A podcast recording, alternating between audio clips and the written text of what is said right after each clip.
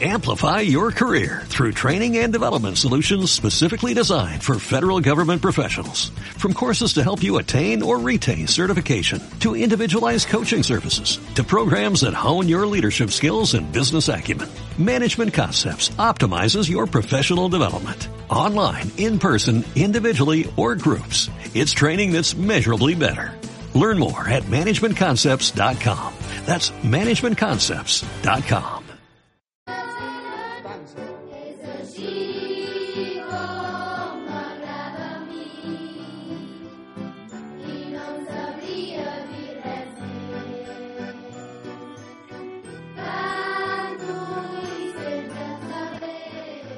Molt bon dia, Besalú, molt bon dia. Passen dos minutets dels 12 del migdia i una, bueno, una nova edició de Fem País, una nova edició que eh, ja arriba a, al seu fi la primera part de la temporada 2012, ai, 2013-2014, perdó. Arriba al seu fi aquesta primera temporada, arribem a les festes de Nadal i farem una petita pausa, tancarem micros, eh, el Fem País tanca micros fins a passat festes, fins a passat Reis. El proper dia que tornarem serà el dissabte 11 de, de gener del 2014 ja, haurem deixat enrere el 2013 i bé, aquest últim programa, mm, tal com vaig dir la setmana passada, mm, el volíem dedicar una mica doncs, a, a fer un resum de tota la gent que ens ha visitat eh, aquí als estudis de Ràdio Besalú, al 107.8 de la FM. Eh, estem molt i molt agraïts a tota la gent que han dedicat doncs, uns, uns, uns, minutets, no? Perquè, o una horeta, una horeta de la seva vida a venir aquí i, i parlar amb nosaltres, o que els hi fem una entrevista, que diguessin coses que havien de dir. I bueno, aquest programa doncs, va d'això, doncs, uh, un petit homenatge a tota la gent que ha vingut, una, una, un agraïment, eh, per exemple, al, al nostre alcalde, Lluís Guinó, que estat moltes vegades per aquí nosaltres, a la Tolla i l'Àngel de l'ANC, l'Albert Macià, al Pere Soler, Maria Fauró, Fina Sorina, Desprenats, Xico Grau, Isaac Nualart, eh, Blai, el cap del Mossos d'Esquadra, eh, va venir també el net d'en Dolofeu, eh, en Joan Safon, que no el nostre company, que va estar aquí un, a nosaltres un, un dia. Doncs bé, en aquest programa, si me deixo algú que em perdoni, perquè hi ha alguns que no han quedat documentats per programes tècnics, però bueno, avui va doncs això, de recordar una mica tota aquesta gent que ha passat eh, per aquí aquests estudis, que ens ha fet companyia, que ens ha ajudat a fer aquest programa Fem País. Esperem que mm, us hagi agradat tots els programes que hem fet. I bé, eh, aquí en aquest eh, dia, en aquest dissabte 21 de desembre del 2013, volem fer aquest petit homenatge a la gent que s'ha visitat. Mm, I això ho farem, doncs, de quina manera? Doncs escoltant el seu pas pel programa.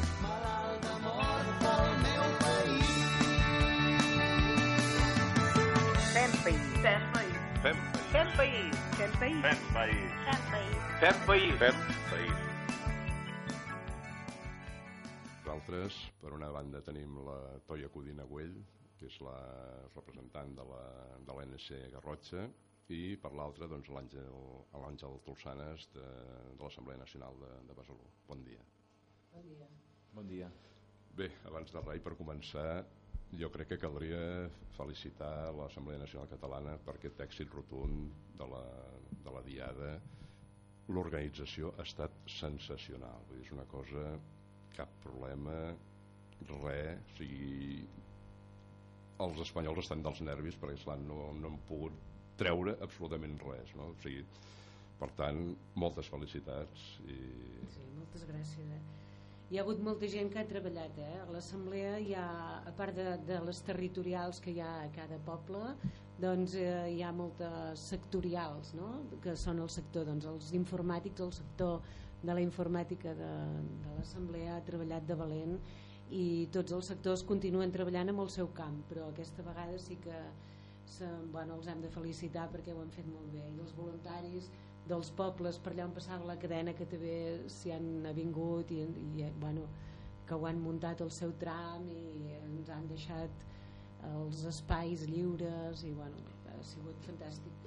Ja dic, ha estat, ha estat perfecte, perfecte. Uh, bon, bon dia, Taia i Àngel, gràcies per venir.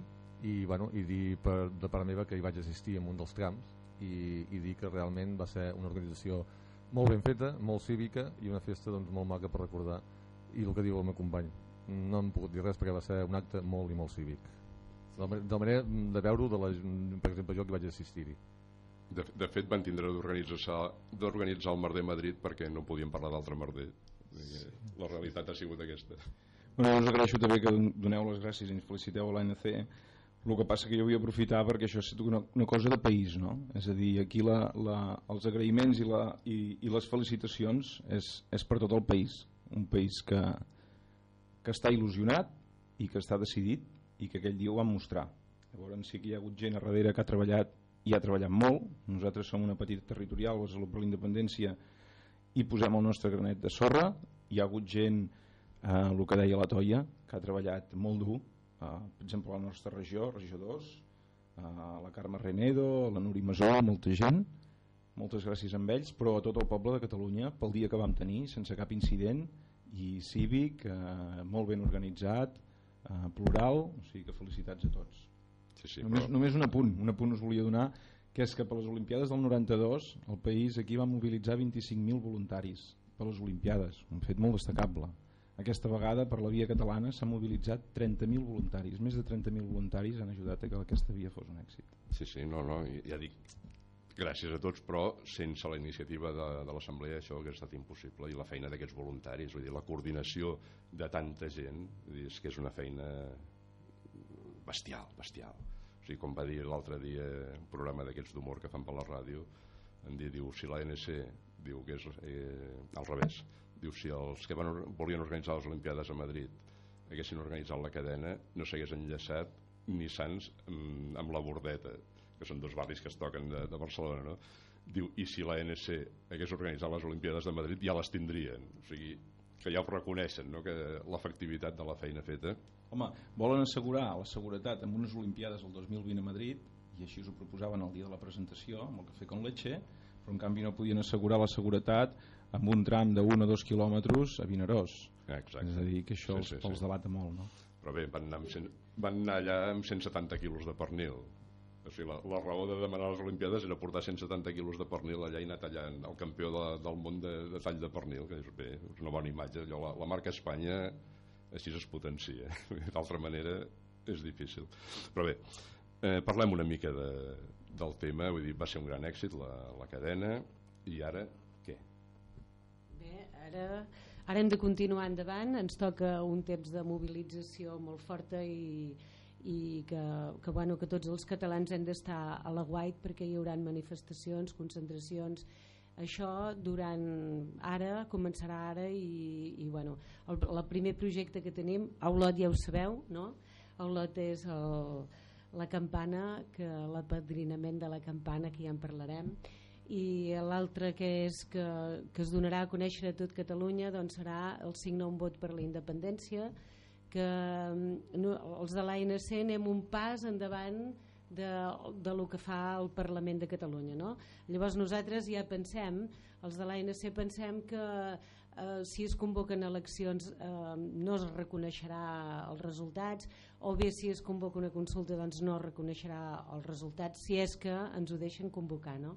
i llavors nosaltres què farem? Doncs ara ja comencem a recollir vots i necessitem que tota la gent que va anar a la cadena, més tots els altres de la majoria silenciosa que no va poder-hi anar a la cadena, doncs que signin els vots i que si recollim doncs, dos milions de vots, aquests dos milions ens serviran per portar al Tribunal de l'AIA eh, perquè decideixi eh, a veure aquesta petició que nosaltres fem de que volem la independència doncs que, que decideixi a veure què hem de fer no?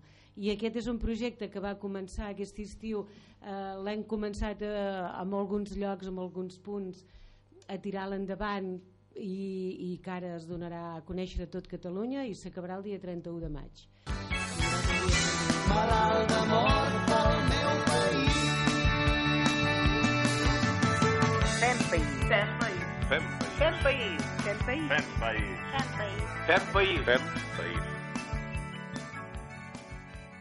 Avui tenim amb nosaltres eh, l'Albert Macià, que és escriptor i responsable del grup d'estudis del Cercle Català de Negocis, llicenciat en Ciències Físiques per la Universitat de Barcelona i directiu d'empresa.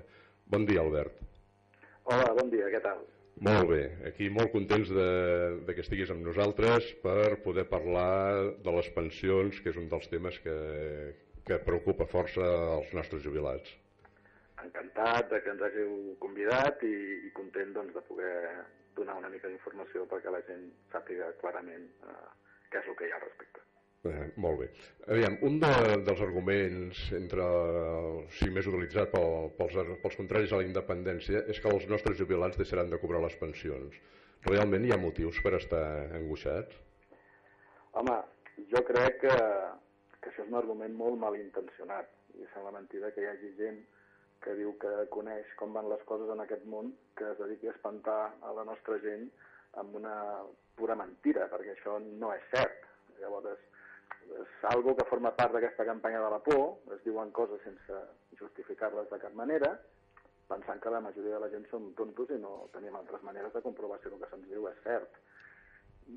No hi ha motius per estar angoixats perquè el sistema de pensions només depèn, bàsicament depèn, del número de persones que estan treballant i del seu nivell salarial. Les cotitzacions de les persones que avui estan treballant són les que determinen el pagament de les pensions de les persones que avui estan cobrant pensions. És un sistema que se'n diu de repartiment. Aquí no hi ha cap estalvi ni cap capitalització per entendre'n, sinó que eh, el que es fa és que el que es recapta es gasta. I, doncs, si hi ha èpoques de bonança, doncs es pot fer una mica de guardiola i eh, ja està. Però no hi ha més, és això. És a dir, com que avui nosaltres tenim un, un, un país a Catalunya que té algo menys d'atur que Espanya i el nostre nivell salarial mitjà és algo superior al de la resta d'Espanya, podríem dir, només amb aquests dos factors, que la probabilitat d'estar més ben atesos cobrant les pensions es dona més a Catalunya que no pas a Espanya. És molt important tenir en compte la manera en què s'estan cobrant les pensions avui dia. Per tant, com una primera resposta podríem dir que és més segur cobrar les pensions a Catalunya que no pas a Espanya. O sigui que està claríssim que si no ens independitzem realment tenim dificultats, no? Tindrem dificultats per cobrar les pensions, tal, tal com acabes de dir. Ja, clar, és que, diguéssim, Espanya eh, té, té una baixa solvència financera, eh, que sí que ens pot fer perillar eh, això, aquestes, eh, aquestes pensions i moltes altres coses, si una mica seguim a dintre d'aquest barco que va una mica esfonsant a, la deriva.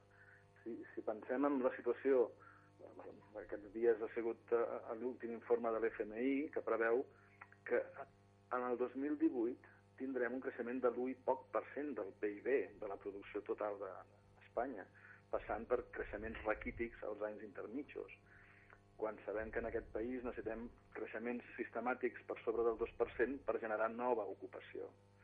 És a dir, la situació de l'estat espanyol, encara que comenci a sortir de la recessió, que Catalunya ja ha sortit aquest trimestre, un trimestre abans, això no és suficient per arreglar l'estructura de l'Estat i la situació de la despesa corrent a què s'ha de fer front. Eh, si no tenim aquest creixement, l'atur no, no baixarà. Penseu que les mateixes previsions diuen que passaríem d'un atur del quasi 27% que tenim en aquests moments a Espanya, això ho diu l'FMI, no diu el Servei Català de Negocis, de fet l'FMI diu bàsicament el mateix que un estudi que vam fer nosaltres fa uns quants mesos i que hem publicat a la nostra web, que és eh, la, la, com Espanya s'està esfonsant, diguéssim, i com nosaltres no, no hem d'estar dintre. Doncs aquest estudi de l'FMI, aquestes prospeccions de l'FMI passen del 27% a que estem avui a al 25% al 2018, o sigui, en 5 anys més només baixaran dos punts l'atur. Si això hi sumem que el dèficit, eh, el dèficit estructural d'Espanya continua pujant, i que cada any, aquest any es calcula que caurà sobre el 6,7% del dèficit, és a dir, que aquests diners que no tenim i que ens han de deixar seguiran sumant a la deuta que tenim i que no podem tornar, i que també en el 2008 eh, amb prou feines arribarem al 3 o al 2%, o sigui, són més i més deute que si avui dia eh, estem parlant de que estem en el 93 i pico per cent de, de, de deute sobre el PIB espanyol, arribarem al 105, sense comptar totes aquestes altres coses que s'estan fent, com finançar la, la quiebra dels bancs, aquests 40.000 milions de la Sareb, etc etc etc. no? el FROP, totes aquestes partides. És a dir, Espanya es troba en una situació en què la despesa per interessos en aquests moments és pràcticament de 38.000 milions i la despesa de pensions que feia fa dos anys era de 100 i, pico, 100 i pocs mils milions, és a dir, pràcticament el 40% de, de lo que està pagant en pensions ja ho està pagant amb interessos, sense tornar capital. Mhm. Nosaltres pensem que aquí el que tenim a dintre del model aquest econòmic espanyol és una situació de col·lapse, una situació que no hi haurà creixement o molt poc, costarà molt recuperar l'atur els interessos seguiran pujant, perquè la deuta segueix pujant, eh, vull dir, això ho aguanta Europa perquè no li interessa que caigui Espanya. Vull dir, Espanya, si fos una empresa, estaria fent un ERE, perquè és que no pot pagar. Eh, Sí, però esclar, hi ha, hi ha masses interessos del, dels bancs europeus no, per, per cobrar el deute. Clar, vull dir, el que volen és aguantar això, tot el que puguin, i que, bueno, no sé d'aquí quants anys aniran tornant o, o s'ho quedaran tot eh, a preu més barat, en fi, recuperant les pèrdues com puguin, però no els interessa que això sigui una reestructuració boja. O sigui, volen una, si s'ha de fer una reestructuració de la deuta, sigui una quita o, o el que sigui, doncs que es pugui fer de forma pactada i en temps. No? Però la situació eh, actual d'aquest model extractiu econòmic d'Espanya que ha apostat només per l'especulació, el treball a curt i no, no ha apostat per, per, per, per fer créixer el país, sinó viure una mica a lo grande, no? I, i doncs, s'està pagant i es paga per una generació sencera, això. És una generació perduda. Sí, sí. Aleshores, nosaltres pensem que en aquí doncs, eh, no, no millorarà l'escenari a Espanya. Anirà empitjorant-se a poc a poc. I bàsicament el que farà això és empobrir tothom. Clar, ara, ara precisament no fa, no fa masses dies eh, es va, va sortir publicada doncs, que la- l'afiliació a, la baixa, a la Seguretat Social estava baixant i el govern va dir que havia de treure 11.000 milions d'euros de, del fons de reserva de la Seguretat Social. Evidentment, fent això es posa en risc la, les pensions dels futurs jubilats, no?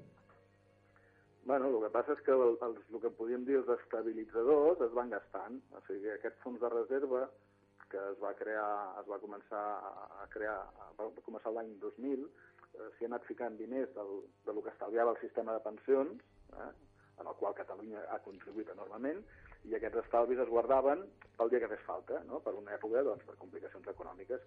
Molt probablement ningú es pensava que, que en aquesta visió cega de l'economia que això hagués durat i durarà tants anys, no? perquè en portem sis i com a mínim fixeu que en tenim cinc més, igual que ara. Malalt d'amor pel meu país.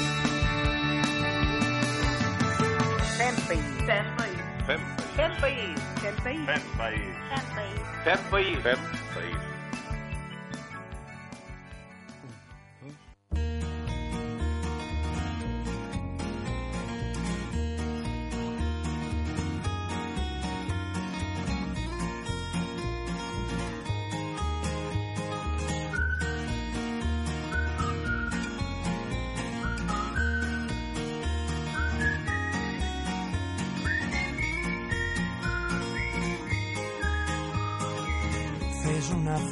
Del terrat que des d'aquí es pot veure en Mart. La roba estesa al meu agost, un camp d'espigues i cargols. Esperarem que passi el fred i sota l'arbre parlarem de tot. Un bioritme elemental, un mar d'antenes i animals. Els astronautes volen baix, els núvols passen com qui no diu res. Amb les butxaques a les mans caminarem els passos d'altres peus. Esmorzarem pa amb oli sal, ho vestirem amb unes copes de vi. Deixant de la ciutat, la tarda llarga i potser més,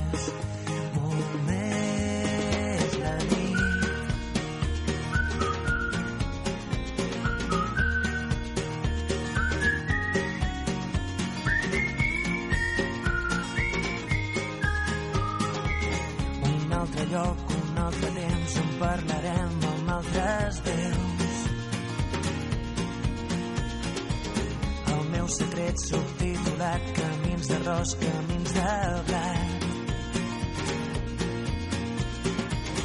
Esperarem que baixi el sol i sota l'arbre parlarem del temps. Un bioritme elemental, un tros de vida artificial. Els astronautes volen baix, els núvols passen com qui no diu res. Amb les butxaques a les mans caminarem els passos d'altres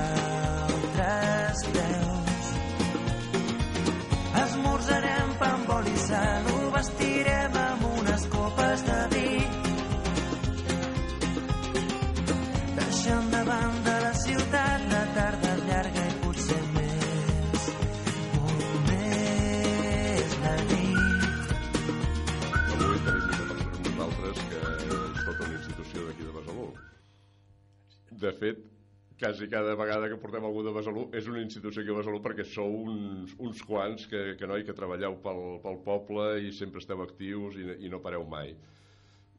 Com ja us he dit, eh, tenim en Pere Soler aquí amb nosaltres. Bon dia, Pere. Bon dia i moltes gràcies. Mira, és, sempre és un plaer poder parlar amb la gent d'aquí de Besalú i gent doncs, que això que col·labora amb tot i que, i que és molt activa amb, amb el poble. Una mica més si no pots parlar amb mi, perquè quan he sentit la melodia d'entrada que feien, que m'ha recordat el nodo, ja he estat a punt de a córrer. bueno, això és una miqueta la, la broma que fem, perquè també les notícies que donem són així per riure, no? Vull dir no, que sí, no... bueno, però s'ha d'advertir, perquè si no t'agafa un infart. Home, de, de fet ja, ja hem tornat enrere, no? Sí. Sembla que estem visquent el, el nacionalcatolicisme una altra vegada. Sí, sí, sí, sí, sí, som, som. Bueno, nosaltres aquí fa, fa un parell de setmanes vàrem estar parlant de pensions i sobretot per treure la por a la gent doncs, amb això de que no es cobraran les pensions i, i tal, no? Tu ja, ja has arribat a l'edat de, de ser pensionista, uh Mhm. -huh. i estàs plenament implicat amb això. Què en penses? Bueno, jo et diré una cosa. Eh, com tu has dit, és una de les pors que intenten que agafem tots. Perdoneu que estic una mica enconstipat, eh? Doncs hi ha una cosa que és ben certa. No s'ha de patir per les pensions.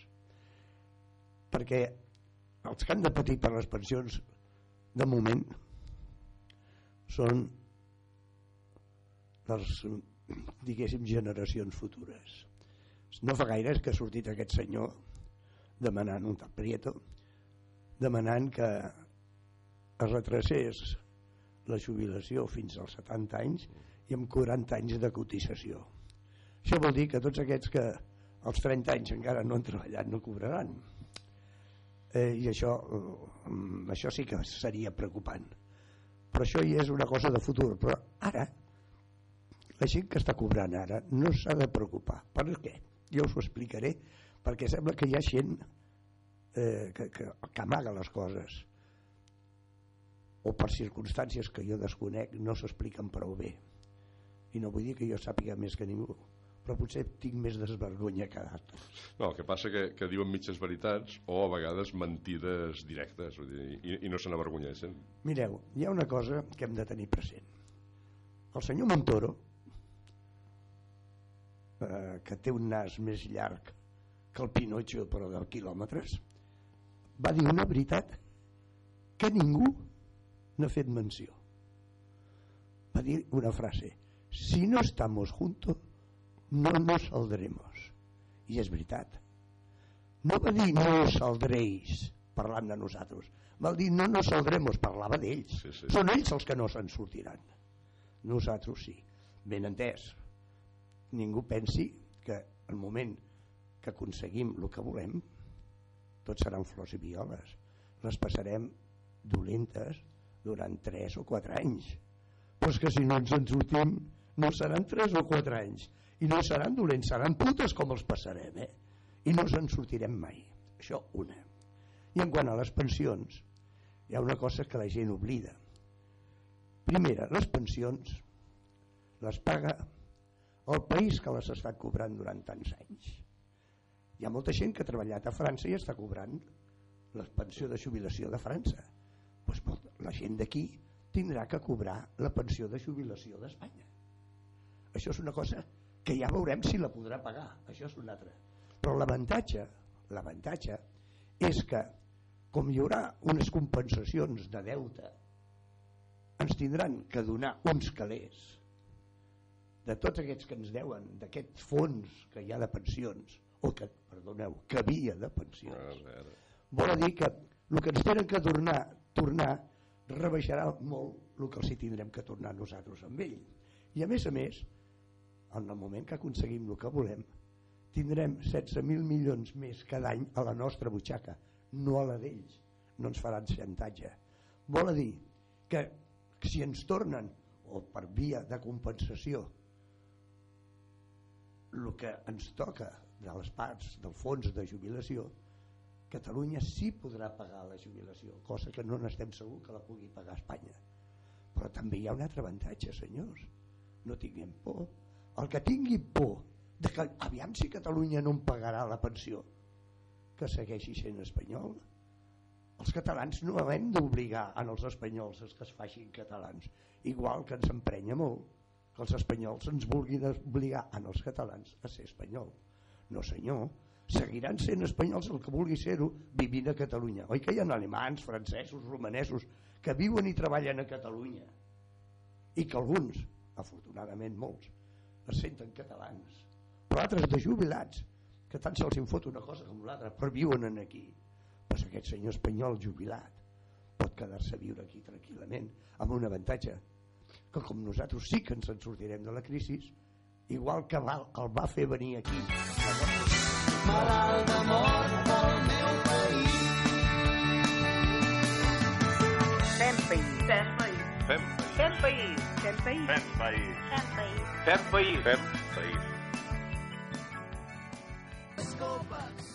Bé, eh, seguim eh, amb el programa. Avui, com hem dit al, al Facebook, tenim el, el nostre convidat aquí al costat. La nostra convidada tenim a la Fina Sorina. Bon dia, Fina. Hola, bon dia. La, la intenció és parlar una miqueta de tot, i, però sobretot parlar de les entitats. Ara que l'Ajuntament està passat unes enquestes per les entitats, o sigui, quin, quin pensament té l'Ajuntament en aquest aspecte? Uh, mira, el que vam fer ja deu fer qüestió d'un any o així va ser apostar per formar una persona del poble amb tot allò que té a veure amb resolució de conflictes i mediació.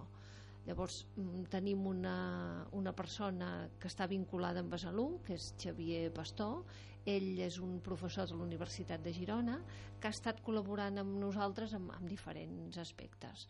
Llavors aquest senyor, ell és el que dirigeix i fa classes amb un postgrau de resolució de conflictes.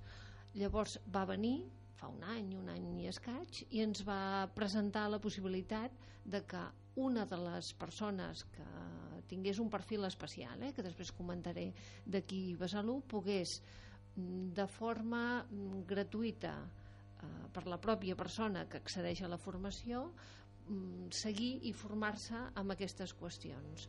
Llavors ens va engrescar la idea i vàrem pensar en una persona que complís el perfil que, que ens indicava en Xavier Pastor. Havia de ser una persona vinculada amb entitats, havia de ser una persona relativament jove, amb ganes de formar-se i amb, amb xarxa, que fos capaç de contactar amb diferents eh, persones més grans, més mm, petites, que tingués així molta, molta vinculació i molta capacitat de relació i comunicació llavors se'ns van acudir dos o tres candidats vam estar fent algunes gestions i finalment eh, va acceptar aquest, aquest encàrrec i aquest, aquest encàrrec regal premi no? que pot tenir diferents versions l'Eloi Masoliver Uh, l'Eloi és una persona que mm, una part de la seva vida professional pues, resulta que és treballador de l'Ajuntament però a part d'aquesta vinculació que té és un noi que està jugant en aquests moments a l'equip sènior del club de bàsquet està fent d'entrenador està vinculat segurament em deixaré alguna entitat eh, perquè t'ho estic sí, sí. dient de memòria està vinculat amb els Manaies amb el centre d'esplai segurament ho ha estat eh, en, en altres etapes o ho està ara amb el Besalú Club Natació amb el bàsquet, amb el centre excursionista i em podria anar allargant i gairebé que d'alguna manera o altra ha tingut eh, vinculació amb mm, moltes, moltes entitats del poble. Llavors l'Eloi va acceptar aquest, eh, aquest encàrrec i una de les qüestions que ens importava a nosaltres i que també vàrem pactar no? amb, amb la persona organitzadora del curs era que d'alguna manera eh, trobaríem el finançament perquè l'Eloi no hagués de posar ni un euro de la seva butxaca però que havia de tenir un retorn aquesta formació i aquesta preparació cap al poble oh. i vàrem mm, dissenyar una proposta que consistia en que l'Eloi es preparava i es formava i el retorn era cap a les entitats llavors l'Eloi ha estat durant aquest curs que es va acabar el juny, per tant era el curs 12-13, assistint a les classes al, a la facultat de la Universitat de Girona mm. i després d'aquests mesos ell ja estava en condicions de eh, començar la relació amb, amb les entitats per anar eh, bueno, fent possible no? el, el que és el, el seu projecte no fa gaires dies va tenir un, una, una trobada amb alguns pocs representants d'entitats perquè era un era, la primera fase, diguem-ho així. Perquè més ha de ser bastant complicat, amb tots els representants de totes les entitats. Exacte, va, va fer un, una, petita, una petita trobada i un altre pas que ha seguit aquest ha estat totes les entitats de, de Besalú heu rebut entre ells Sí, sí, a Ràdio Besalú un qüestionari que ell planteja tota una sèrie de, de qüestions no? que cadascú el, el, des de la perspectiva de la seva entitat, la seva experiència, les seves necessitats, el, els seus coneixements, ha d'anar reflexant aquí perquè ell, a partir d'aquí, tindrà una constatació de, la, de les diferents realitats i continuarà avançant amb aquest projecte que d'alguna manera el que vol és que totes les entitats de Besalú tinguin una persona referent i que pugui mm, ajudar-les i estar al seu costat i respondre quan hi hagi qualsevol tipus de qüestió que preocupi i que, que pugui eh, fins i tot derivar o que pogués derivar en, en situacions conflictives no? o, de, o, o negatives o... Clar, és, que, és que moltes vegades també, aviam, aquí a Besalú hi ha moltíssimes entitats, dir, hi, ha, hi ha un gran teixit associatiu, no? i molta gent, imagino que deu estar més d'una i de dues i de tres, perquè tampoc hi ha tanta població, però esclar, moltes vegades hi ha, hi ha aquests conflictes de que si que ells tenen més, que si nosaltres ens teniu abandonats, vull dir, tot això algú ho té de solucionar, no? Poden ser conflictes d'aquests que tu estàs dient no? que algú pot pensar o pot intuir eh, determinades diferències entre entitats però moltes vegades els mateixos conflictes i problemes estan a dintre les, les entitats Mhm. amb les persones que estan compartint i estan Sí, liderant sí, el projecte i estan pensant objectius eh, doncs allà mateix pot ser que hi hagi situacions més o menys fàcils i a vegades una persona objectiva que ve de fora i que el que fa a lo millor no, no és molt evident però sí que, que és molt eficaç i que és molt pràctic. Llavors en principi la, la seva figura seria tant per qüestions més internes de cada una de les entitats quan fos el cas com per qüestions molt més de crear xarxa entre les diferents entitats per sumar i per fer projectes és que- conjunts i el que, sem- convingués Sempre és bo, diguem, que es complementin, no? Que, no, que no vagin aïllades, com a vegades passa, no? que cadascú va a la seva i fa la guerra pel seu cantó. Segurament ara és un, és un bon moment per cada vegada més eh, sumar complicitats. Si ens fixem en les últimes iniciatives que hi ha hagut d'entitats, moltes vegades han sumat dues entitats, o tres, o quatre, o, o cinc. Malalt d'amor pel meu país. Fem país. Fem país. Fem Fem país. Fem país. Fem país. Fem país. Fem país. Fem país. Ja tenim aquí els nostres convidats, eh, com hem dit al Facebook, eh, no sé si és passió, si és esport, si de l'esport fan passió o de la passió fan esport, vull dir, no... Jo la veritat és que no ho acabo d'entendre, ells ara ens ho explicaran. Tenim Ell, aquí... Ells ara segur que ens desvetllaran aquest enigma. Si és, si és passió o és esport, o tot plegat... O tot que plegat, pot ser. Tenim aquí en Joan Bosch, bon dia, i en Marc Manyes, bon dia. Bé, com, com us deia, eh, jo no sóc amic de les bicicletes, la veritat. Un bon dia vaig decidir penjar-la i no l'he tornat a agafar mai més. Però realment s'ha de, de ser d'una pasta especial per, per fer aquestes coses que feu. No, no, de cap de, de cap de les maneres. Jo crec que amb el que has dit encara hi afegiria un altre, un altre aspecte que és el conèixer el país. O sigui, és, és esport, evidentment, és, és, és passió perquè t'agrada i l'altre aspecte, crec tan o més important, és el conèixer el país. Sí, no, no, hi ha la part de, de turisme i d'allò. Ara, aviam, parlem-ne perquè quan es fan curses dubto molt que tingueu temps de veure què passa pel costat, perquè, hosti, va la gent allà que dius, és que no tens temps ni de veure'ls. Bueno, aviam, eh, aquí hi ha, hi ha un tema que és amb un ciclista, diguéssim, eh, amateur com som nosaltres, eh, estan molt de moda les marxes, et posen un dorsal a davant i un es pensa que és eh, eh, doncs l'ermida, doncs esclar, eh, l'assumpte canvia, no? Però majoritàriament això es, es dona poc a nosaltres mateix a nivell col·lectiu un cop al mes, un cop cada dos mesos es van amb alguna, amb alguna marxa competitiva però que no, però que no són competitives o sigui, et donen un dorsal i tothom vol, vol anar de pressa Sí, sí, sí, sí. però la majoria de vegades vull dir, quedem per passar-ho bé i sobretot per conèixer el país Clar, de, de fet hi ha els semiprofessionals o professionals que són els que van davant, que, que van a la seva i després doncs, la, la gent normal no?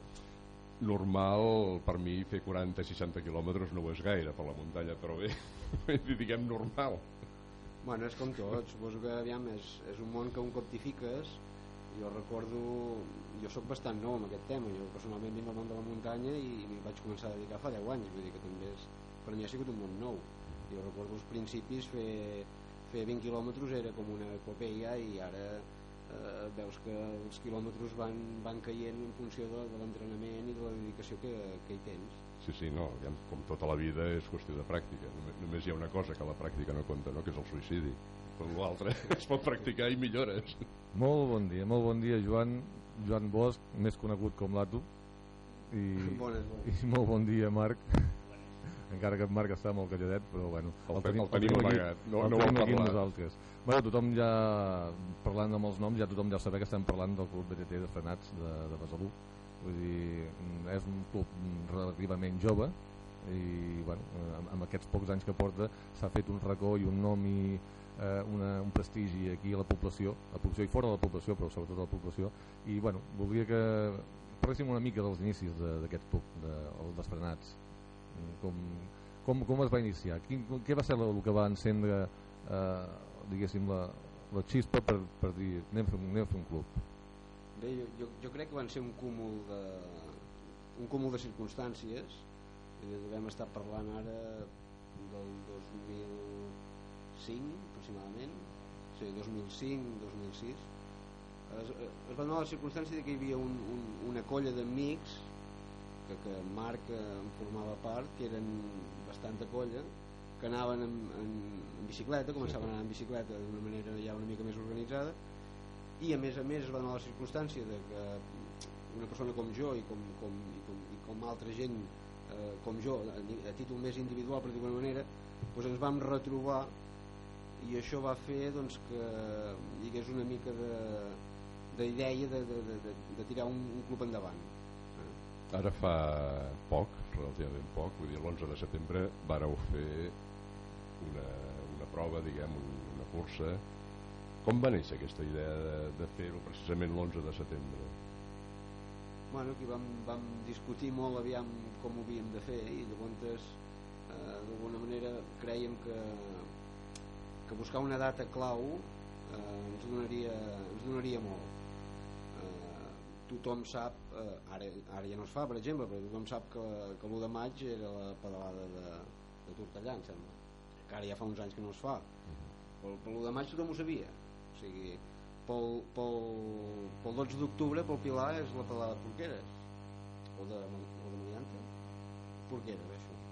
I tothom, tothom que va amb bicicleta sap que pel Pilar ha d'anar a Porqueres. Llavors van dir, nosaltres eh, farem l'11 de setembre i en dos, tres anys i amb, amb la gent que ens ha vingut doncs la gent ja sap que l'11 de setembre hi ha la pedalada de Besalú. ja no té que pensar si és el segon diumenge o el tercer o ja és sempre una data, una data fixa Uh -huh. També participeu per, per Sant Joan, per la Rebella, vareu baixar la, la flama del Canigó, no? Vareu anar a buscar la flama i vareu arribar explicar una mica com, com va anar. Bé, la història va ser una història que va sortir bàsicament perquè eh, es donava peu que era el cap de setmana i teníem temps eh, físic, o sigui, teníem dos dies eh, lliures, entre cometes, per, per fer-ho. Ja, I bueno, hi havia molta gent que tenia ganes d'anar caminant al Canigó, hi havia gent que tenia ganes d'anar en bicicleta i van fer, van fer tres grups. Vam aconseguir engrescar tres entitats més, ho vam fer conjuntament amb els del Cros, amb, amb, amb l'Assemblea i amb el Foment de la Sardana. Nosaltres, els desfrenats, vam fer el tram de, de pujar al Canigó, baixar la Flama, caminant, i, i el tram de, de Vallter a, a Sant Jaume de Llierca en bici i els del Cros doncs, la van portar corrents fins, fins a Besalú. I la veritat és que va ser una experiència molt, molt interessant i de cara a l'any que ve tenim ganes de, de repetir, De i- repetir, i, i, si pot ser millorar-ho. Sí, sí, home, eh, si més no, ha estat molt, molt original, no? Dir, una forma diferent d'anar a buscar la flama. Sí, i el maco és que tothom d'alguna manera va participar. Eh? Vull dir, també m'he descuidat. Eh, aviam, va arribar la flama a Besalú, es va portar al pavelló i els nens eh, la van portar fins al pont. Vull dir que va ser una activitat que si comptessis probablement trobaríem un centenar de persones que d'alguna manera eh, van, van participar en l'acte. Quanta, quanta gent sou? malalt d'amor pel meu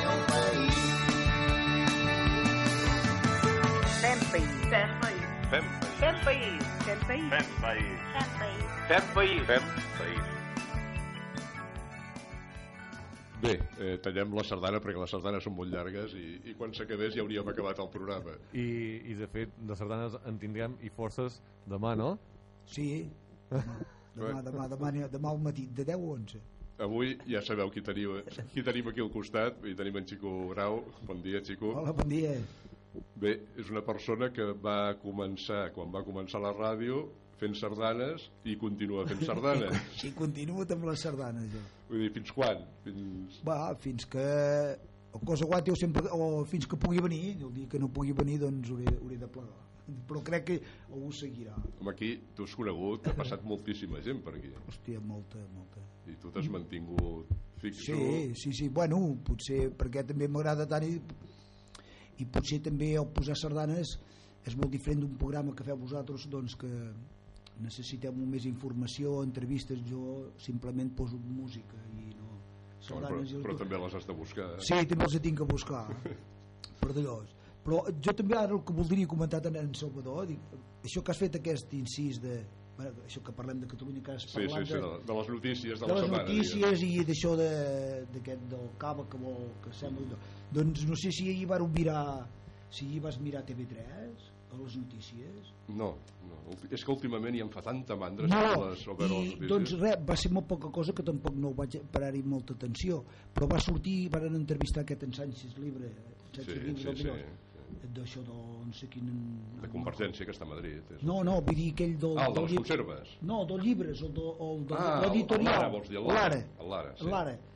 I, i, i ell va dir que si Catalunya fos independent que no marxava pas de Catalunya eh? Saps, saps què vol dir, això? que, que una part va, va dir que no ho vaig entendre bé va, va dir una Sí, sí, part sí. no sé quina era que, que va dir que sí que marxava però que la seva intenció no, no, no era treure que a Madrid ens, ens venen que diuen que l'ara marxarà o, o dir, Planeta això? marxarà No, no, ho va dir, ho va dir fa temps que ho va dir Sí. i aquesta setmana també en Duran eh, ha dit que ell, si Catalunya es proclama la independència, que posa els seus coneixements al servei del país. Sí. I això és un senyal boníssim, vol dir que anem bé, que ja ho estan veient. que ho estan veient, vull dir, eh, aquest, eh, a Madrid ens van veient que, que Planeta marxarà, que segons ell, aquell home, bueno, ja et dic, tampoc no vaig parar-hi molta atenció i no, i no van Sí, jo, jo entrevistar ho, vaig, molt. ho vaig sentir a Catalunya Ràdio, això. I ho va dir, i vaig pensar, doncs, si aquest diu que, que no hi marxa una part que no sé què és per burocràcia Sí, o les per, per, ha dit això, però diu no, no, diu Planeta d'allò diu el que és a Catalunya està, a Catalunya queda, Ja, diu que no I. I jo dubto, dubto molt també de que marxin perquè aquí a Catalunya hi ha una sèrie de professionals que no hi són en altres llocs, o sigui, clar. relacionats amb els llibres, vull dir, hi ha el millor del millor.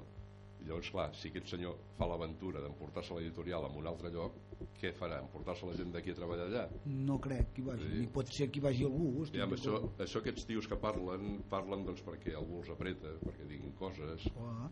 Però ja et dic, jo veig el cantó positiu d'això. Quan aquests dos ja diuen que ui, que bueno, que no, que, que, que d'allò, dius, hòstia, és que això anem bé. Per això, que vull dir, m'ha- fet, vull dir que ja sé que el programa és de sardanes, el mateix, però vull dir, m'ha fet curiositat dir això i, i m'ha dit, hosti, però si aquests de Madrid ens van explicant coses, vull dir que tot el que expliquen no és veritat i que ens fan No. agafar la por al cos, però que hem de ser molt cautelosos i anar atents i, i no, no agafar-nos la lloresa però vull dir que no tothom està d'acord en marxar eh? vull dir això jo crec que, que no No, Bueno, s'ha de respectar. eh? Sí. L'opinió de la gent s'ha de- respectar. Bueno, això és una opinió perquè has, has donat Ja, aquesta ja. notícia i he pensat mi- perquè ahir va sortir aquesta Sí, sí, però sí, que sí, no sí. va durar gaire que, que va ser només un, una pinzellada un minut Sí, sí, sí.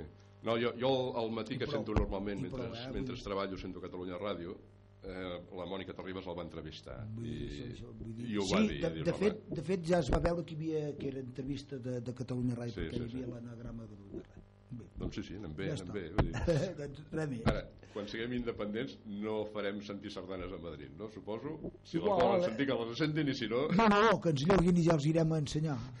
haurem, haurem d'ampliar la banda de Ràdio Besalú, perquè Bueno, arribi. els hi ensenyarem. No tindràs que- pas problema, tu, de fer-los escoltar sardanes, tu, Xico. Mane? Que no tindràs pas cap problema. No, no, no, no, cap, no, no, no, no, no, més, hi ha equips on hi ha gent que són de Madrid o que parla castellana i ballen perfectament la sardana, eh? vull dir que ballen sardanes i saben, ballen perfectament tant, tant com poden ballar uns xotis com sevillanes també ballen Bueno, sardanes. bueno, jo t'haig de confessar que jo no, ball- jo no la ballaria perquè no en sé. Bueno, se no ho fet mai. Aquesta, tampoc, tampoc m'ha cridat l'atenció, aquesta eh? gent tampoc en sabia, aquesta gent n'ha après, doncs, i com que està aquí i s'ha integrat aquí i, la, i es fan més sardanes que sevillanes, doncs ballen sardanes. Clar. I És normal, però sí. sí. és una cosa.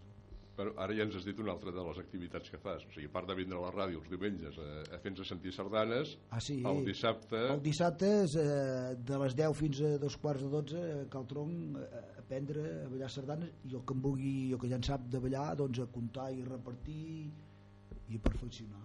Ja sou gaire gent o com... Mm, bueno, no, no són massa n'hi ha molts, crec que n'hi ha molts d'apuntats però també és, és una cosa que, que la gent doncs no és per venir si té una altra feina doncs fa la seva feina no sé, poder som 12 o 13 persones però un dia serem 7 l'altre dia serem 4 l'altre dia serem 12 vull dir, la gent venen quan poden vull dir, també hi ha moltes dones doncs són les que potser ens fallen més les dones tenen feines i jo ja els entenc vull dir, ho han de...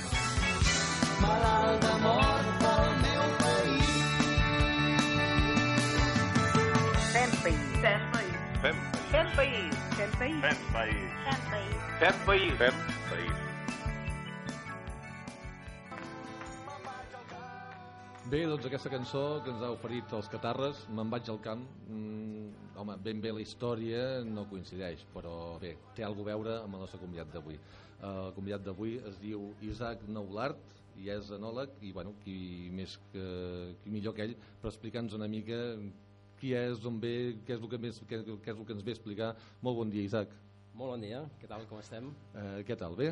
Bé, moltes gràcies sobretot de- d'apuntar amb, la, amb la meva col·laboració i, i bueno, veig que ho teniu molt ben muntat. Moltes aquí gràcies. A. Doncs bé, el teu nom és Isaac Noulart. Nualart. Nualart. Nualart. Eh, ets enòleg? Correcte. Mm, bueno, Explica'ns una mica per la gent que no sàpiga ben bé de què, de què, com, de què consisteix això ser enòleg. Mm. Explica una miqueta. Eh, L'anòleg, eh, a diferència del sommelier, que sí que tothom ja sap que és, Sommelier és més conegut. és, és més conegut, l'anòleg és la persona que eh, fa el vi directament, o sigui, la persona que es, eh, es dedica des de que el raïm està a la, a la vinya fins transformar-lo en, en, en vi, o sigui, està amb tot el procés celler. Molt bé. La persona que fa vi. Exacte, la persona que fa vi, la persona que mm, tot el procediment i quan acaba diu estic content del que Ah, faig. Perquè el sommelier sí, diu estic molt content de provar però no porta tota la, la pallissa de... No, no, no, a més hi ha ba- bastanta guerra entre els enòlegs i els sommeliers. Sí, no? Hi ha una mica de pique, no? Sí, bastant, bastant. Sempre parlant amb la banda professional. Doncs bé, bueno, explica'm una mica, perquè clar, mm, tu has vingut aquí en representació no, no pas només de tu, Correcte. sinó sou, digue'ns quants? Som tres persones amb un, amb un nou projecte eh, amb allà, amb allà a Montcal. Això per la, aquesta, ja ahir vaig ficar una mica d'anunci al Twitter i al, i al Facebook doncs, que ens visitava un jove emprenedor doncs eh, l'Isaac junt amb dues persones, tres persones més no? L som dos persones més. Dos persones més. Exacte. Doncs han tirat endavant, doncs, bueno, hi ha un edifici que gairebé tothom aquí coneixem, de ja fa molt d'anys, porta una trajectòria des que es va fer fins ara, ha canviat totalment, que és la Guixera de Maià. Correcte. Doncs, eh, ja, perquè vosaltres no sou de per aquí. No? Bueno, ara sí. Ara, va, ja, sí, ara sou de per aquí, però vull dir, mm, heu vingut de fora, d'on veniu? Eh, doncs mira, de Barcelona eh, l'Anna i, i jo i, i el Vicenç, que és la persona que està, que està a la cuina eh, ve d'Igualada Ve d'Igualada. I vosaltres de Barcelona capital. Barcelona capital Ah, Veus, mm, ara va lligant una mica, no?, això de Me'n vaig al camp, la cançó, vaig al camp. la cançó que us he posat. a més, Els Catarres és un dels grups preferits del Jordi Pujol no sé si, si ho sabíeu però... Sí, sí, veus? és que és un grup per tots, o sigui, la música és per totes les edats. I mm, vau venir aquí doncs, amb intenció de portar un projecte endavant. Correcte. Eh, què, ens, què ens hi podem trobar ara mateix si anem a la Guixera, la gent que hi ha estat però fa molt i molt que no hi va, què és el que es pot trobar ara mateix a la Guixera, la gent que s'hi pot acostar? Doncs eh, bé, un, un restaurant eh, amb, amb, amb un caire eh, diguem molt familiar eh, intentant, intentant sobretot que, que el producte sigui molt de proximitat sigui de la zona recolzant totalment els, els, els agricultors i els ramaders de, de la zona i un lloc mm, diguem molt, molt lúdic perquè per la gent que ja hi ha estat sabrà que, que bueno, hi ha un espai eh, per, perquè els nens hi puguin jugar en el cas de que es vinguin nens o, o bé, o per fer excursions o, o per prendre directament el, el, el sol no? Eh, una mica és el, el, el no anar a menjar, no anar a sopar sinó a, a, a tenir una petita experiència és una mica el que, el que intentem i això ho lliguem tant amb la gastronomia com amb, intentem amb el, amb, amb el tracte amb l'entorn amb el tracte, amb l'entorn i, el, i, el, i el tracte que creiem que és una de les coses que malauradament eh, s'han perdut en el, amb, amb, amb, amb l'hostaleria, amb, amb la restauració s'ha perdut molt el tracte de, familiar. El tracte més familiar, més proper. correcte. No, o sigui, un, uh, tu arribes allà i que no sigui clarament de te llegeixes la llista, pim pam pam i això, te poses això i fora. No. S'ha d'explicar, jo crec que, exacte, com qualsevol ofici. Jo crec Sí, que sí, si algú s'estima el seu ofici ho sabrà, eh, t'encanta explicar-ho i, i, i bé, i, i saber què, què es trobarà perquè el client tingui una elecció bona. Uh, tu o, o l'Anna o, perdó, O el Vicenç. o el Vicenç eh, no me'n recordava del nom del Vicenç perdona Vicenç doncs, Perdonarà. Molt bona persona. algú de vosaltres eh, ve de família de restauradors o ha tingut alguna a veure amb els restauradors o no? O... De família directament no. Eh, L'Anna ve de, del món de la fotografia, és fotògrafa, i, i el Vicenç sí que, sí que eh, ha estat molt vinculat a la cuina a nivell personal eh, i, i ho ha demostrat. És, és una persona amb, amb, amb, bueno, molt emprenedora en aquest aspecte, eh, li encanta innovar i és, és inconformista en aquest, en aquest cas, sempre, sempre vol millorar. I en el meu cas sí que eh, no per part de família però per, per un projecte personal sí que havia gestionat ja un restaurant a, a Marçà que per la gent que no ho sàpiga i, i aprofitant tornar a la primera part del programa està a molts pocs quilòmetres de, de Falset del Priorat Eh, hem parlat abans una mica així per sobre de, de, de bueno, estem parlant de falset i hem parlat una mica per sobre que el convidat doncs, tenia a veure amb falset. Eh, la teva relació amb falset mm, de què ve? Doncs bé, de, de quan vaig estar estudiant enologia, allà hi ha una escola de- d'enologia, eh, i, i bueno, hi ha, una, hi ha una relació amb, francament, amb molt, molt d'amor, molt d'amor perquè allà he après moltíssim el món de, del vi, eh, he conegut gent molt maca i el paisatge, tot i ser molt diferent, per exemple, el que tenim aquí a la Garrotxa, acaba enganxant, té alguna cosa que acaba enganxant. Sí, jo crec que, bueno, jo crec que mm, bueno, sempre pots trobar gairebé tot arreu algo que te crida atenció no? Correcte. Eh, en aquest cas Falset, a part de la ciutat doncs, eh, que et pugui enganxar doncs, si tu ets enòleg eh, esclar, allà el que és el vi Sí, sí, és, és- normal que t'enganxi perquè clar, és una terra vinícola una terra de vi Correcte, seria com algú que li agradi el, el, el futbol anar a veure el Camp Nou doncs una miqueta amb el món del, del vi aquí a, a Catalunya eh, el Camp Nou seria, seria el Priorat, sens dubte. Sens dubte. eh, parlant d'això, eh, podem trobar doncs, eh, en aquest nou projecte tot el que és eh, vins de, de, del Priorat i en, en, Sí. en, en oferiu, en oferiu. Sí, oferim, no obstant, eh, s'ha de dir que estem en, en unes terres eh, on hi ha una denominació d'origen espectacular, eh, molt joveneta, eh, amb, amb, amb l'aspecte de, de començar a fer vins moderns, que és l'Empordà. I aleshores eh, el que també era una mica boig és que jo vingués del Priorat i volgués eh, només oferir vins de, de, de, del Priorat, tot i que, per exemple, el vi de la, de la casa és un Déu Montsant, que és una denominació d'origen que està dintre de, del Priorat, però bé, eh, la meva feina ara i, i, i també per, perquè pel que parlarem de, de la proximitat del producte és oferir també eh, vi de la denominació d'origen Empordà. Aquí a Empordà. Correcte. Mm, va estar molt o sigui, com, com aneu a parar a la guixera mm, a, un, lloc així perquè clar, jo, ja, jo confesso ara aquí davant de tothom, jo que sóc client vostre no, no amb la freqüència que voldria perquè no m'ho permet tampoc gaire el temps i tal però sí que hi suelo anar de tant en tant vinc allà a fer una visita i a prendre I la veritat... agraïts que estem. Gràcies. I he portat convidats, quan han vingut gent de fora, i esclar, que et diuen i és que això, si no ho coneixes, com, com vens a parar aquí? Esclar, vosaltres siguem de fora, haver vingut a parar aquí, a la Guixera, com va anar la història? Doncs una mica va ser un treball de recerca. Eh, estàvem a Barcelona, eh, tots, tots tres, tant el Vicenç com l'Anna com, com, com jo, volíem, un, volíem un, un canvi a les nostres vides, volíem, com diuen les catarres, anem al camp, i el que vam fer és algo molt senzill. Eh, és agafar un mapa de, de Catalunya i marcar les comarques que ens cridaven l'atenció. I, I bé, entre elles, eh, bueno, la, la Garrotxa era una de les, de les candidates per moltes raons. La Garrotxa és molt rica en, en molts aspectes i una de les raons és, és, és la, la proximitat que té amb, amb, amb altres punts de, de, de Catalunya. I, i va ser eh, venint a visitar Besalú, eh, vam mirar un local,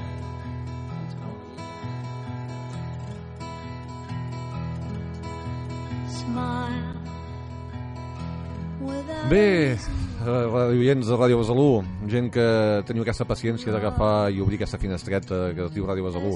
Aquest ha estat un programa doncs, ja el darrer de la primera part de la temporada 2013-2014 i veritablement mm, comencem vacances unes minis vacances que duraran fins al dia 11 de, de gener de 2014 ja. I jo quasi quasi que m'he agafat vacances ja abans, abans, abans i tot perquè avui poca feina he fet. Eh, he estat fent molt poca feina, he estat parlant molt poc eh, ha estat una mica de recordatori de, de tota la gent que ha passat pel programa un recordatori, eh, una, una espècie d'homenatge a tota la gent que ha dedicat un moment a estar aquí amb nosaltres als estudis de Ràdio Besalú però mm, el que sí és de molt d'agrair el que no me'n cansaré mai de dir-ho és que moltes gràcies a tu, a tu que agafes i sintonitzes el 107.8 de la FM en Ràdio Besalú per escoltar-nos cada dissabte de 12 a 1 en aquest programa Fem País.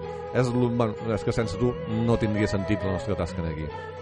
Moltes gràcies per estar aquí que tingueu molt bones festes. Mm, la frase que he decidit per aquestes festes eh, que he dit aquest de matí és de ojalà que el 2014 porti el mateix de poc bo que hi ha hagut el 2013 però que porti tot el que ha faltat de bo també. Eh, aquest 2014 que sigui especial per tothom que passin molt bones festes que tinguin una bona rebella i senyors, d'aquí pocs dies ens tornem a escoltar en el 107.8 de l'FM en Fem País a partir de l'11 de gener 2014 passin molt i molt i molt bones festes What is real and what we dream is love alone.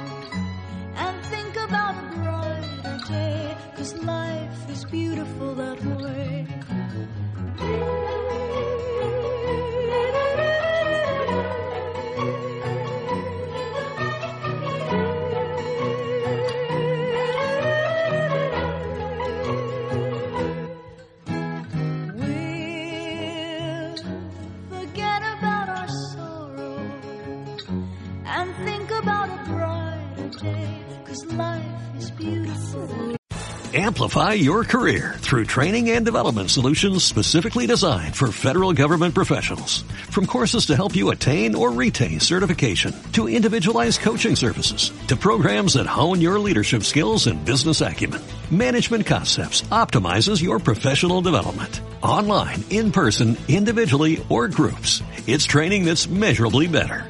Learn more at managementconcepts.com. That's managementconcepts.com.